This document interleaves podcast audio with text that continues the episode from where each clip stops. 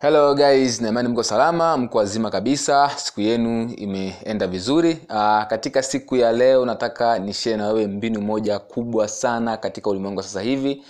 Niliyojifunza kwa menta wangu anaitwa peng jun. Peng jun kwa sasa hivi ndiyo mtu pekee ambayo inasadikika kwamba anauza pesa nyingi zaidi kupitia mtandao. Anauza digital products anauza ebooks anauza books hizi uh, hard copy na courses online ina, inasadikika kwa sasa hivi ni mtu pekee ambaye anatengeneza pesa nyingi sana katika mtandao. Anaitwa peng jung alishare siri hii katika kitabu chake kinachoitwa platform closing. Uh, sasa katika siku ya leo nataka nishare na wewe mbinu hii na mbinu hii nimekuwa nikiitumia mara kwa mara na watu wengi sana nilioshare nao mbinu hii wameitumia na wamepata matokeo makubwa sana. Endapo na wewe siku ya leo ukianza kuitumia kuanzia leo utaona matokeo utakayoyapata sasa hivi ama baadhi ya siku zijazo iko hivi.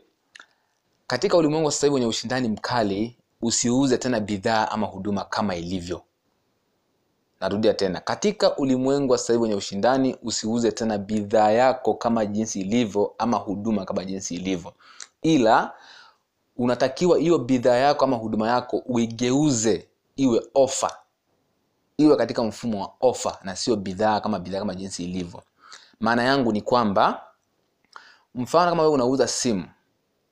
Mi- labda kuna watu wawili mmoja anauza simu kama ili, jinsi ilivyo na mimi nikawa nauza simu ambayo nimegeuza in form of offer kwamba mimi nitauza zaidi kuliko mwenzangu anauza simu kama ilivyo. Kwa mfano mimi nika- nika- nikasema kwamba ukinunua simu hii ndani ya simu utakuta nimekuwekea nyimbo mia moja.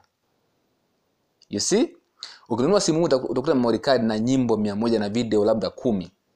Lakini mtu mwingine kana auza simu tu kama jinsi ilivyo huyu mwenye simu ambao ana, ina ofa ndani atauza zaidi kuliko huyu mwenye simu kama kama jinsi ilivyo you see? Kwa hiyo unageuza bidhaa ama huduma unayoiuza in terms of offer. Inakuwa katika offer. Haijalishi upo katika biashara gani ila geuza hicho unachokiuza katika offer. Kama mtu akishanunua atapata na kitu fulani kitu fulani.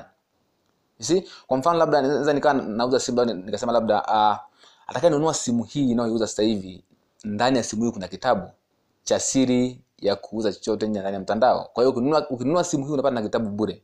You see? Kwa hiyo watu watakimbia kununua kwa sababu kuna ofa kwa hiyo geuza simu yako uh, geuza bidhaa huduma yako kuwa katika mfumo wa ofa na sio na sio bidhaa kama jinsi ilivyo. Labda kama unauza bidhaa, uh, huduma unaweza kusema atakayenunua huduma hii anaweza akajiunga lab- labda akaingizwa katika klabu fulani ambayo kila wiki atakuwa anapata labda labda mentorship ya bure au training ya bure. You see? Kwa hiyo hiyo imekuwa ni offer badala ya kuuza bidhaa kama bidhaa unaigeuza bidhaa inakuwa in terms of offer. Ama huduma unaigeuza inakuwa na offer ndani yake.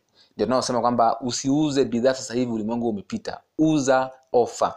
Yaani unaigeuza bidhaa ama huduma unayoiuza iwe iwe katika mfumo wa offer. Angalia ni vitu gani ambavyo unaweza ukaviongeza katika bidhaa ama huduma yako ambavyo utaviingiza pale kama offer baada ya mteja kununua. Kwa hiyo katika ulimwengu wa sasa hivi hapo ndipo tulipo. Wanaouza bidhaa ama huduma sasa kwenye soko wana lose kwa asilimia mia moja kwa sababu wateja wanatafuta vitu vya ziada ambavyo watavipata baada ya kununua bidhaa. Na njia pekee ya kupata vitu vya ziada ni kuwa na ofa weka ofa badilisha bidhaa huduma yao iwe katika mfumo wa ofa ndivyo utakavyouza bidhaa huduma kama hauna akili nzuri. Utauza sana sana sana. Kwa hiyo kwanzia sasa hivi fikiria kitu gani ambacho unaweza kukitoa baada ya mteja kununua bidhaa huduma yako kama ofa kwa hiyo una kipakeji kiwe katika mfumo wa hiyo bidhaa yako ili mteja akinunua hiyo bidhaa yako anapata na kitu hicho kama sehemu ya ofa kwa hiyo hiyo bidhaa inakuwa sio bidhaa tena ile inakuwa ni ofa kwa hiyo uza ofa ila usiuze bidhaa. Narudia tena uza ofa usiuze bidhaa ama huduma. Wateja kwa sababu wananunua ofa hawanunui bidhaa. Unaweza kupata wateja sawa wa bidhaa lakini kwa asilimia ndogo kuliko mtu ambaye amegeuza bidhaa huduma yake kuwa katika mfumo wa ofa leo nataka nishare na wewe tips hii moja katika mentorship yetu. Kwa hiyo uh, na imani tutakuwa umejifunza vingi sana. Na, na kama utapenda uh, kushare unaweza ukashare it's okay. Unaweza ukashare na wengine wakafaidika. Ila uh, siku leo naomba nishare hapa. Asanteni sana na karibuni sana